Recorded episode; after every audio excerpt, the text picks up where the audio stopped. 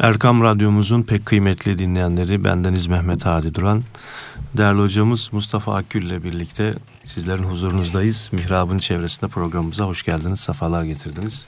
Değerli hocam siz de Erkam Radyo stüdyolarına hoş geldiniz. Hoş bulduk efendim. Hayırlara vesile olsun inşallah. Bugün önünüzde e, 40 hadis kartelası görüyorum. Evet. Efendimizin güzel özlü sözlerinden herhalde dinleyenlerimize böyle e, rahmet damlaları e, aktaracağız inşallah. İnşallah. Bismillahirrahmanirrahim. Elhamdülillahi Rabbil alemin ve salatu ve selamu ala Resulina Muhammedin ve ala alihi ve sahbihi ecma'in. Efendim hadis-i şeriflerden örnekler seçmemizin daha doğrusu seçmemin birkaç sebebi var. Onlardan birisi onlar dönüp dönüp söylediği için ben de dönüp dönüp söyleyeceğim. Sünnet-i seniyeyi, hadis-i şerifleri devre dışı bırakmak isteyenlere fiili muhalefet etmek için. Eyvallah. Siz öyle mi diyorsunuz? Ben de sohbetleri de daha çok hadis ağırlıklı yapacağım. Sünnet-i seniyesiz olmaz diye fiili bir muhalefet yapmak istiyorum. İkincisi hadis-i şerifler Efendimiz'den gelen feyiz ve bereketlerdir. Nerede hadis-i şerif teberrüken okuma diye bir tabir var bizde. Evet. Ya manasını zaten biliyoruz. Olsun bir daha okuyalım mı teberrük, bereket hasıl olur. Allah'ın sevgili kullarının isminin anıldığı yere Allah'ın rahmeti nazil olur. Evet. Ya biz bu duygularımızı kaybediyoruz. E o hadiste ne var? Bir şimdi bildin ki ne olacak, bilmedin ki ne olacak. Zaten bilmiyor muydun? Böyle bakılmaz.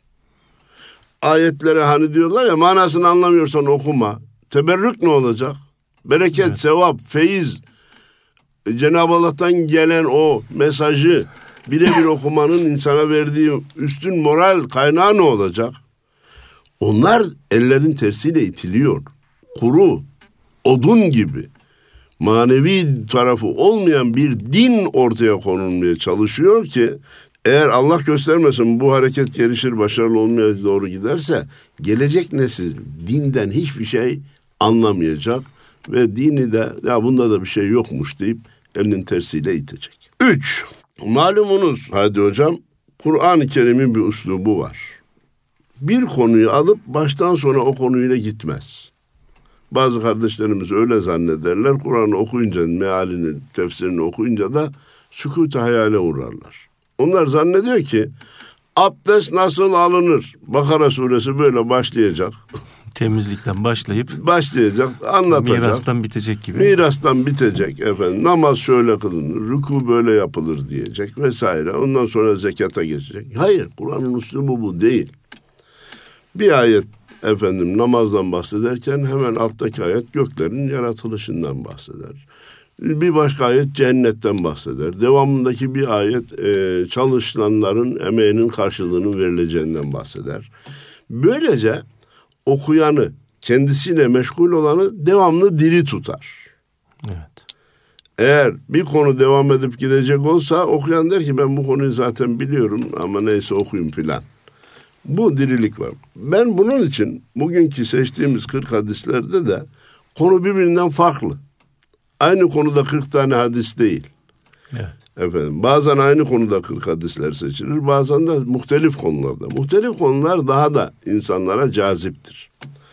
Bir de güzel bakın e, öteden beri camilerde yüz yüze vaazlar olsun. Merkezi sistemden, radyodan dinler gibi dinlemesinler. Peki bunun çaresine her imam arkadaşımız, her müezzin arkadaşımız mihraba geçtiğinde dönsün, cemaatine bir şeyler anlatsın derken İstanbul Müftülüğü gayet güzel bir çalışmayla 40 hadisler hazırlamış. Bazı kartelalarda bildiğimiz kartela tipi bilenler var anlasınlar diye söylüyorum. Ayetler hadisler yan yana alınmış. İşte kardeşim bak canlı sohbetin birebir sohbetin kaynağı da budur. Tatbikatı da bu olmalıdır. Bunu bütün meslektaşlarımıza da, imam müezzin kardeşlerimize de tavsiye ediyorum. Alın kardeşim kartelayı. Dönün cemaatinize. Ha sadece okuyup tercüme eder giderseniz tercümelerde kartla var zaten. Olmaz o zaman. Bir iki kelamda. Olmaz. Ha, o zaman ikinci, üçüncü, dördüncü hadiste cemaat sizinle alakayı keser. Kafayı kaldır. o okuduğun hadisle ilgili birkaç cümle söyle. Bunun için de muhtelif e, hadislerden bahsedeceğiz. Diyelim başlayalım. Bismillahirrahmanirrahim. Kale Resulullah sallallahu aleyhi ve sellem El muslimu ahul muslimi la yazlimuhu ve la yuslimuhu. Müslüman Müslümanın kardeşidir. Biri birine zulmetmez. Müslüman din kardeşini başkasına zalime de teslim etmez. Alın size bir günlük konu. Buyurun abi. Buyurun. Evet. Ne garip tecelli. Şimdi gelirken Erkam Radyo'da dinliyorum. Bazı Yahudi kuruluşlarıyla maalesef Birleşik Arap Emirlikleri yetkilileri diğer Arap ülkelerini de Türkiye aleyhinde birleşmeye davet ediyor. Evet. Ya kardeşim sen aslında benim kardeşimsin yanımda olman gerekir. Bir de karşımdakiyle işbirliği yapıyorsun. Suudi Arabistan'ı şu hale getirmeye çalışıyorsun. Efendim Kuveyt'i bu hale getirmeye çalışıyorsun. Bizim hepimizin ortak peygamberi diyor ki Müslüman birbirine zulmetmez, zalime de teslim etmez. Birbirlerinin karşısına çıkıp da zalime de fırsat vermezler. Zalimin yolunu açmazlar. Efendim, zaten hadis-i şeriflerdeki ayetlerdeki büyük hikmet, büyük feyiz nereden geliyor Adi Hocam? Aynı ayetin, aynı hadisin hayatın çeşitli bölümlerine uygulanır olmasından geliyor. Evet. Efendim bakın buradaki teslim etmez deyince hırsızlık yapanı polise teslim etmez manasında değil. Sahip çıkma da var değil mi hocam? E, mazlumu zalime teslim etmez. Evet. Hakkı yenen insanı öbürüne teslim etmez. Yolda gidiyor birbirine başladı çatapata vurmayacağım neme lazım bana vurmuyor ya diye onun eline bırakmaz. Evet. Yoksa bildiğimiz ihanet şekillerinden birini yapan, İslam'ın suç saydığı konulardan birini işleyeni yetkililere bildirmek bu hadisin kapsamına girmez. Komşuları arasında böylesi varsa onu zalimlerin eline bırakmaz. Ülkesinde zalimlerin hücum edip de perişan etmek istediği kişi veya kesimler varsa onları zalimlerin ellerine bırakmaz ve aralarındaki ihtilafa rağmen bazı konularda aynı düşünmemelerine rağmen gelin biz kardeşiz şu işe yeniden başlayalım der Müslüman. Evet. Akşam haber dinledim. Bütün İslam alemine örnek olsun. Maalesef şu anda Hadi Hocam İslam aleminin durumu içler acısı, içler acısı, iç açıcı değil, içler acısı. Güney Kore ile Kuzey Kore kol kola girdiler. Gelin tarihi yeniden yazalım diyorlar. Gelin yeni bir başlangıç yapalım diyorlar. Ya can düşmanı bunlar birbirleriyle uzun süre sarvaştı, çarpıştı. Olabilir. Bütün samimiyetimle arz ediyorum. Güney Kore nereye, Kuzey Kore nereye, Türkiye nereye? Ben oradaki bu birlik beraberlikten de memnun oldum Hadi Hocam ya. Evet.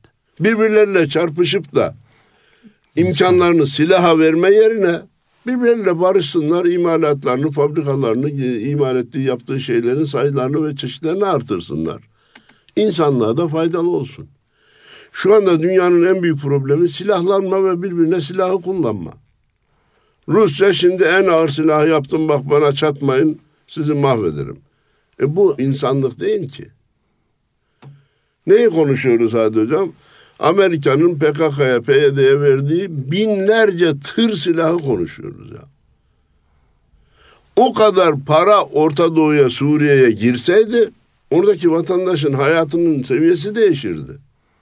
İnsanlar ihya olurdu. İhya olurdu. Sen silah vererek ben de silaha silahla mukabele etmek mecburiyetinde kalarak kime ne kazandırıyoruz? Onun için cemaat rahmet, ihtilaf firka azaptır.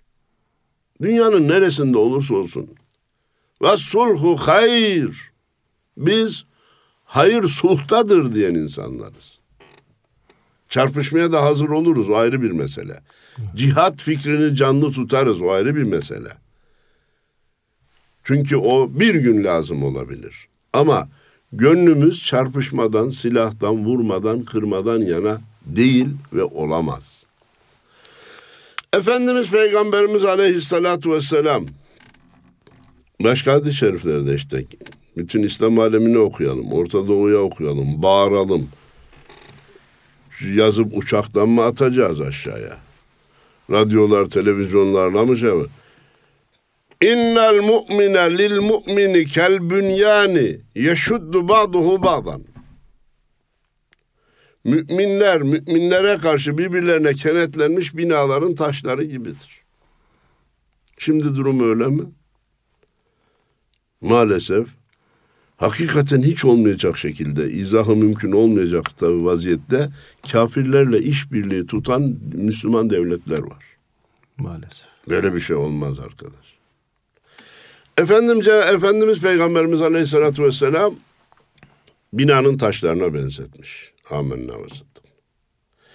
Binadaki taşları üç şekilde düşünebiliriz Said Hocam. Duvarda sıradan bir taş. İki, Anadolu'da rükün derler. Bildiğimiz şey Arapçadan gelen işte nasıl namazın namazın rüknü varsa binayı ayakta tutan ana sütun büyük taş demek. Bir de kemer tipi binalarda, kemerli binalarda kilit taşı vardır. Evet. Bütün kemeri ayakta tutan, kemerin yıkılmasını önleyen de o kilit taştır. Efendim binadan sıradan herhangi bir taşı çekseniz bina yıkılmaz. Fakat o taşı çek yıkılmaz, bu taşı çek yıkılmaz, öbür taşı çek yıkılmaz. Ama kilit taşını çekersen Abi bir kere kilit taşını çekersen birden yıkılır. Bir de o sıradaki taşları böyle bir şey yıkılmıyor yıkılmıyor diye çekmeye devam edersen bir taşı çekince bütün binanın yıkıldığını görürsün. evet. Demek ki her taşın kendine göre bir hizmeti, o binaya verdiği bir güç var. Ama bir tanesini çekmekle hemen bina yıkılmayabilir. Ha demek ki onun vazifesi yok zannetmeyelim. Eyvallah. O orada dururken vazife yapıyor. Çekince yıkılmasa bile bina dayanıklılığından sıfır sıfır nokta şu kadar kaybetti. Ama ayakta duruyor o ayrı bir mesele ama kaybetti. Öbür taş, öbür taş, öbür taş binanın yıkılmasına sebep olur. Rükün dediğimiz asıl ayakta tutan sütunlardan birini çekerseniz, kırarsanız bina çok daha çabuk yıkılır. Son deprem bize birçok şeyi öğretti. Binalarda bilhassa bodrum katlarda boru geçecek. Herhangi bir boru. Kirişi kırmış adam boruyu geçirmiş. Diyorlar ki eyvah bu bel kemiğini kırmak gibidir. Bel kemiğini kırar da içinden bir şey geçirirsen vücut ayakta duramaz. He duruyor ama en küçük bir sarsıntıda hemen o kırılmış ya da delinmiş sütunun delinmiş olmasının zararını görür. Demek ki bazı yerlere çok daha önem vermek lazım. Kilit taşı dediniz işte. Kilit taşı devlet başkanlarıdır, reislerdir, ulemadır, meşayihtir, mürşitlerdir. Onlara dokundunuz mu, onları alt üst ettiniz mi, bütün ümmete ya da bir millete büyük zarar vermiş olursunuz. Her taşın kendine göre bir hizmeti, bir önemi var ama en önemlisi şüphesiz ki kilit taşıdır. Onlara özel itina göstermek gerekir. Efendimiz Peygamberimiz Aleyhisselatü Vesselam dedik ya bu iki hadis birbirine yakın olabilir konu olarak. Konular birbirinden farklı. Kale Resulullah sallallahu aleyhi ve sellem Ma enzelallahu da'en illa enzele lehu şifaen. Allah'ın şifasını yaratmadığı hiçbir hastalık yoktur. Allah bir hastalık yaratmışsa onun şifasını da yaratmış. Şimdi hadisi böyle okuyunca birden zahirin mealini okuyunca insanın aklına koca bir soru gelir girer. E niye o zaman bazı hastalıklar tedavi olamıyor? Niye bazı hastalıklardan insanlar vefat ediyor? Evet. Dur kardeşim. Hadis çok kapsamlı. Evvela şunu kabul edelim ki insanlar ölecek. Bütün hastalıklar tedavi olup da hiçbir insan ölmeyecek diye bir kural olabilir mi? Olmaz. Bu genel kanuna aykırı. İki, benim hastalığımın da şifası var ama bu hadis-i şerif bana böyle anlatıyor. Ben de buna inanıyorum. Afrika'da mı? Hindistan'da mı? Kutuplarda mı? Ben o şifaya ulaşabilecek miyim? Evet. Ben onu bulabilecek miyim? Ölçülü kullanabilecek miyim? Bir kısmı da şifayı, devayı, ilacı buluyor ama ölçüsüz kullanmaktan fayda yerine zarar getiriyor. Bu cümleden olmak üzere hadi hocam. Son zamanlarda çok yaygınlaşan bir tarafı beni sevindirirken bir tarafı üzen bitkilerden tedavi usulleri var ya alternatif tıp. Ölçüsüz gidiyor ülkemizde. Evet. Falan ottan bir tutam, falan ottan bir tutam, şundan da bir tutam karıştırın, çay yapın için. Ya böyle ilaç tarifi olmaz. Onların da bir dozajı ve Bir dozajı var, kullanımı kaynamasının bir miktarı var. İçilecek suyunun içilme miktarı var. Yemeğin üstüne, altına, kaşıklarına vesaire bir şeyi var. İlaç deyince ikisi de ilaç. Hadi hocam. Kimyevi ilaç fabrikasında yapılan da ilaç, otlardan yapılan da ilaç. Yani tıbbi olunca daha doğrusu e, ne diyorduk ona? E, doğal veya bitkisel olunca hiçbir zarar olmaz manasına gelmez. Tabii ki. Ben size öyle bitkiler göstereyim. Kaynatın suyunu için perişan olursunuz, zehirlenirsiniz. Tabii ki. Bitkilerden dolayı zehirlenip hastanede yatan insanlar var. Öyleyse bunun ehli kimse kardeşim.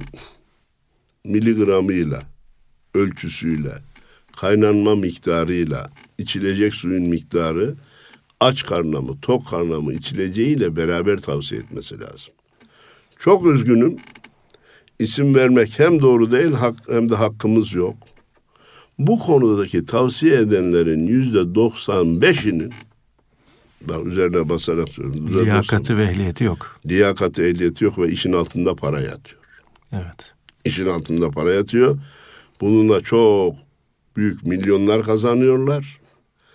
Ve bir de formül bulmuşlar. Bir de formül bulmuşlar. Ben o formüle de karşıyım.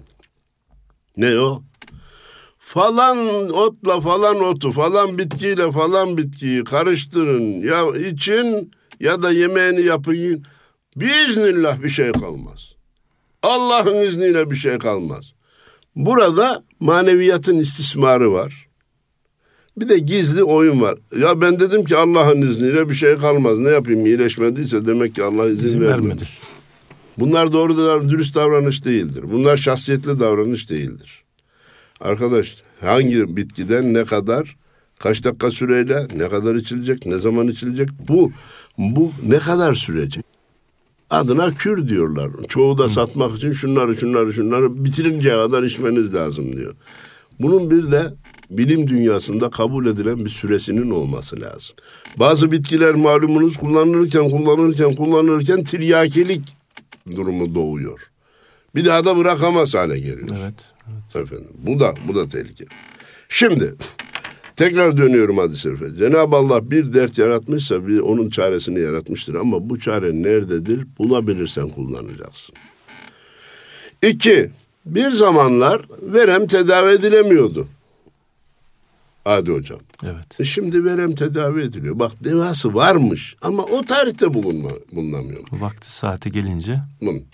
Şu anda Cenab-ı Allah bütün kanser hastalığına müptela olan kardeşlerimize görünmez yerden şifalar ihsan eylesin.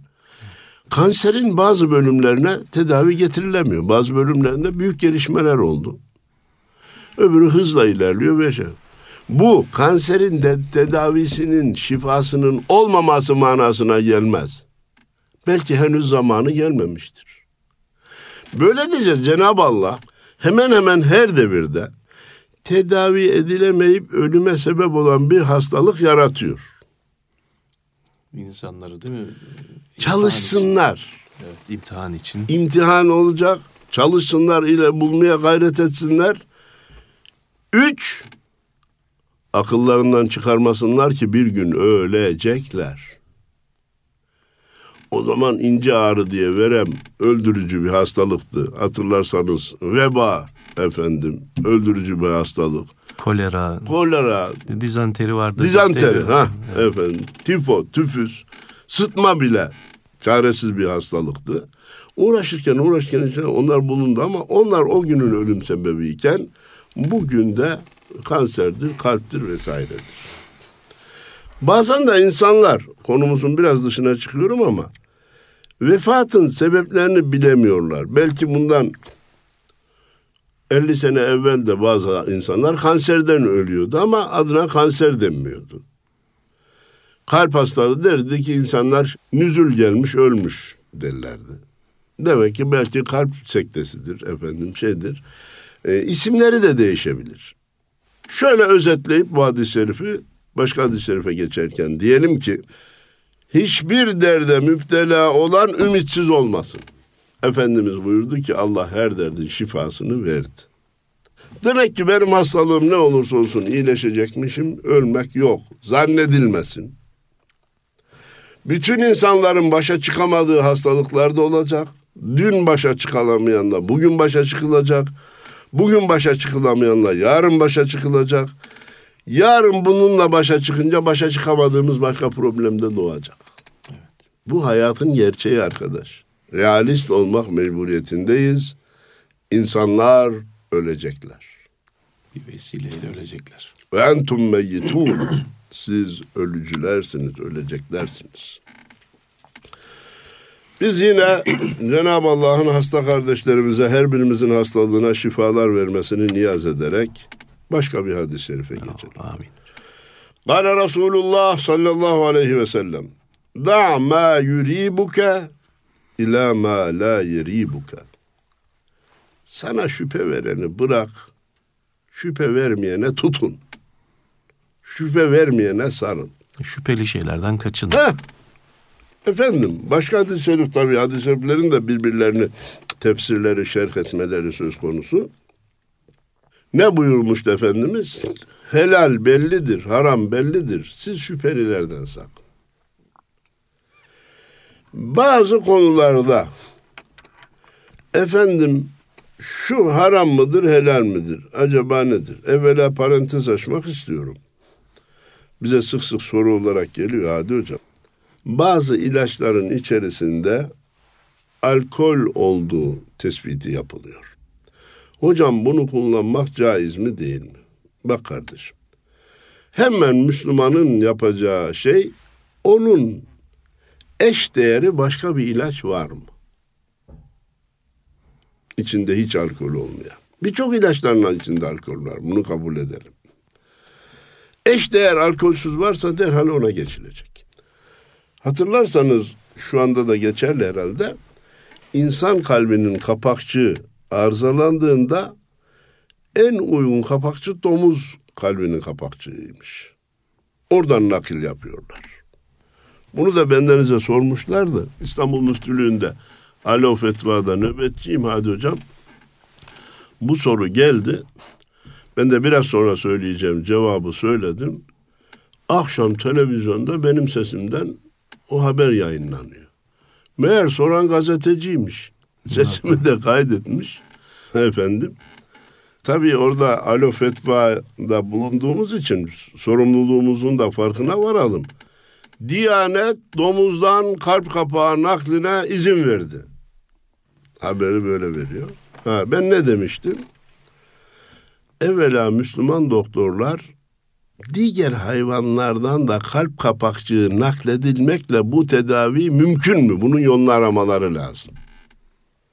Evet. Arz edebildim mi efendim? Yenilmesi helal olan koyundan rastgele söylüyorum. Tavşandan rastgele söylüyorum bilmediğim için. Geyikten kalp kapakçığı nakledilerek insandaki kalp kapakçığı hastalığı tedavi edilebilir mi? Bunun yolunu arayacak. Aradık, aradık, aradık, bulamadık. Denedik olmadı. Denedik, olmadı. O zaman domuzdakini nakletmek caizdir. Ne dedi dinimiz? Domuzun eti haramdır ama ölüm noktasına gelirsen ölmeyecek kadar yemek caizdir. Yemeğe bile izin verdiğine göre kalp kapakçığının nakline izin verir.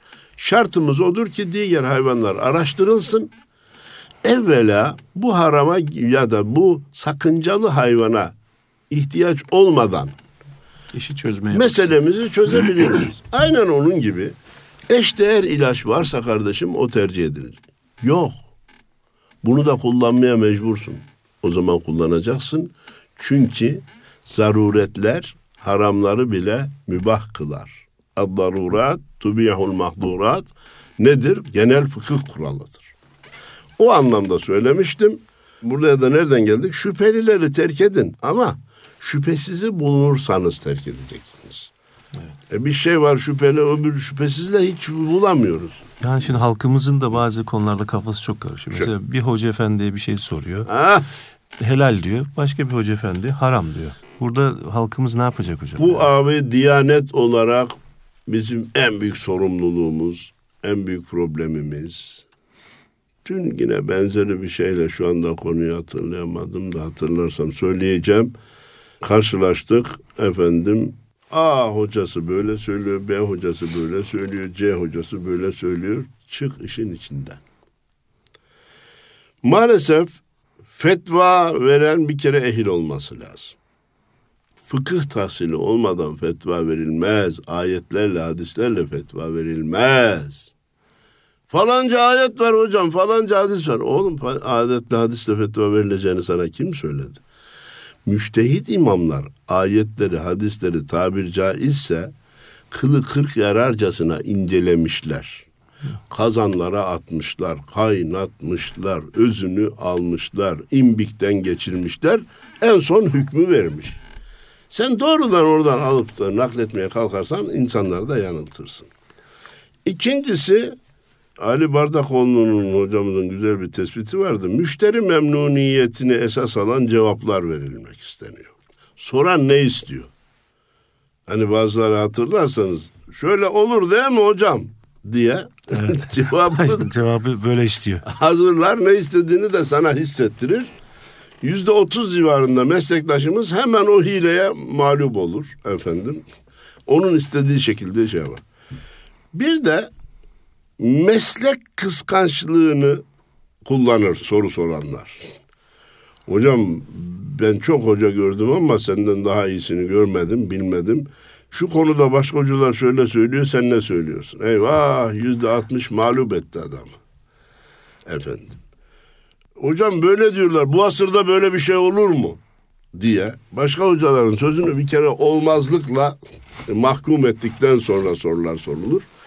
Soru soranların oyunlarına, hilelerine çok dikkat etmek lazım. Bildiğimiz şeylere cevap verip bilmediğimizi de bunu bilmiyoruz dememiz lazım. Ankara'daydım. Diyanet Vakfı'nda sırf yemek için bir araya gelmiş hoca efendiler vardı. Hoca efendilerin içerisinde Din İşleri Yüksek Kurulu Başkanlığı yapmış hocamız da vardı Hüseyin Karakaya. Kayapınar. Kayapınar teşekkür ederim. Selamlarımı iletiyorum. Orada dedik ki bakın bir Ahmet Mehmet Hasan'ın sorduğu özel tek şahsi sorular var ee, Hadi Hocam. Bir de teravih var mı yok mu? Arz edemiyorum. O imsak orucun başlangıcı ne zaman? Güneş doğana kadar mı? Şimdiki başladığımız şekilde mi? Bir saat sonra mı? Böyle bir de umumi ilgilendiren konular gündeme geliyor. Daha önce de söyledik. Dünden orada yemekte de ortaya geldi ki bütün insanlarımızın, vatandaşlarımızın kafasını karıştıracak herhangi bir şey gündeme oturduğunda, atıldığında Diyanet İşleri Başkanlığımız demeli ki ey millet durun. Böyle bir konu ortaya atın. Biz bu konuyu Din İşleri Yüksek Kurulu marifetiyle inceleyeceğiz. Hafta sonu neticeyi size bildireceğiz. Millet bir beklesin hemen cevap verip de ayaküstü cevap veriyor gibi olmasın, incelensin. Millet de cevabı bir beklesin. Bir insana bekledikten sonra bir şey anlatmanız başkadır. Anında söylemek. Anında cevabı. O gün gelsin, cevabını açıklıyoruz dediğimiz an zaten bütün televizyonlar, radyolar mikrofonunu, kamerasını bize çevirecek zaten. Duyurmada problemimiz yok. İlan edelim. Ya hocam herkes Diyanet'in verdiği fetvaya uymak mecburiyetinde mi? E uyar veya uymaz. Ben onu temin edemem. Fakat Diyanet olarak ben görevimi yapmalıyım. Din İşleri Yüksek Kurulu gibi elimizde büyük bir imkan var. Hakikaten ehliyetini ispat etmiş hoca efendiler oraya seçiliyor. Onlar konuyu incelesin. İncelerken de manevi mesuliyetlerini de ona hatırlatalım yani bak. Siz ne derseniz bunu biz millete nakledeceğiz. Diyanet İşleri Başkanımız da buradaki e, sorumluluğu bizzat yüklenmekten kurtulmuş olur. Kardeşim Din İşleri Yüksek Kurulu inceledi, bu kararı verdi. Ben onu size naklediyorum deme imkanım olur. Evvela Diyanet olarak, hadi hocam önemli bir konuyu açtığınız için buraya geldik. İnsanların kafasını karıştıracak meselelere net, ehli sünnet vel cemaat itikadınca kabul görmüş, dört hak mezhep içerisinde kabul görmüş cevaplarla insanların kafalarını sakinleştirmek bizim boynumuzun borcu. İki, imam, vaiz, müftü, müezzin efendim soru soruldu. Kardeşim bunu bir inceleyeyim. Bunu bir düşüneyim. Veya bir gün sonra, iki gün sonra sana cevap vereyim gibi dikkatli davranmamız lazım. Üç, ben deniz bana soru soranlara diyorum ki başka hocalara sordum da şöyle söylediler demeyeceksin. Evet. Yo, o zaman beni tesir altında bırakıyorsun. Ya ben bilmediğim halde oradan kopya çekeceğim ya da inadına nefsani bir şeyle zıddiyetle karşıt söylemeye çalışacağım. Yok canım onlar bilememiş ben bilirdim. Kardeşim hiçbir hasta bir doktora gidince ben sizden evvel başka doktorlara gittim de onlar şöyle dedi siz ne dersiniz diyor mu? Böyle bir saçmalık olur mu? Sen neyi soracaksan bana sor bildiğimi söyleyeyim bilmiyorsan bilmiyorum diyeyim. Netice insanları tereddütten de bizim kurtarmamız lazım. Evet. Son zamanlarda bu konudaki büyük sakıncalardan birisi akademik camiadan geliyor. Ne diyor değerli doçentlerimiz, profesörlerimizin büyük bir bölümü? Tamamı değil, büyük bir bölümü. Efendim bu konuda Ahmet şöyle demiş, Mehmet böyle demiş, Hasan şöyle demiş, Hüseyin böyle demiş. E ne karşıdakine bir cevap vermedin ki? Kadim ulema şöyle demiş mi? Şimdiki alimler böyle diyor efendim.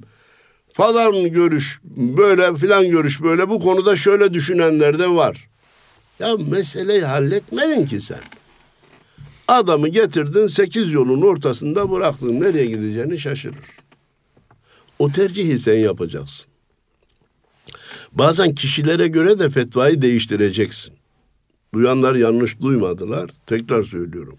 Kişilere göre de fetvayı değiştireceksin. Evet. Genç mi? Yaşlı mı? Köyde mi? Şehirde mi? Hocam gence yaşlıya göre, köydeki şehirdekine göre fetva değişir mi? Değişir. Oruç konusunda Efendimiz birine bir fetva verdi. Şimdi zihinler karışmasın diye onu söylemeyeceğim konusunu. Daha o genç ayrılmadan bir yaşlı geldi. Efendimiz ona fa- farklı fetva verdi. Genç dedi ki ya Resulallah onun diniyle benim dinim ayrı mı dedi. Sen gençsin o yaşlıdır. dedi. Köyde şehir farklı diyoruz. Köyde insanlar hayvan dışkılarıyla hep iç içe. Sokaklarda bile olabilir bazı köylerimizde. Keşke şimdi keşke olsa diyeceğim çünkü hayvan da kalmadı. E, maalesef.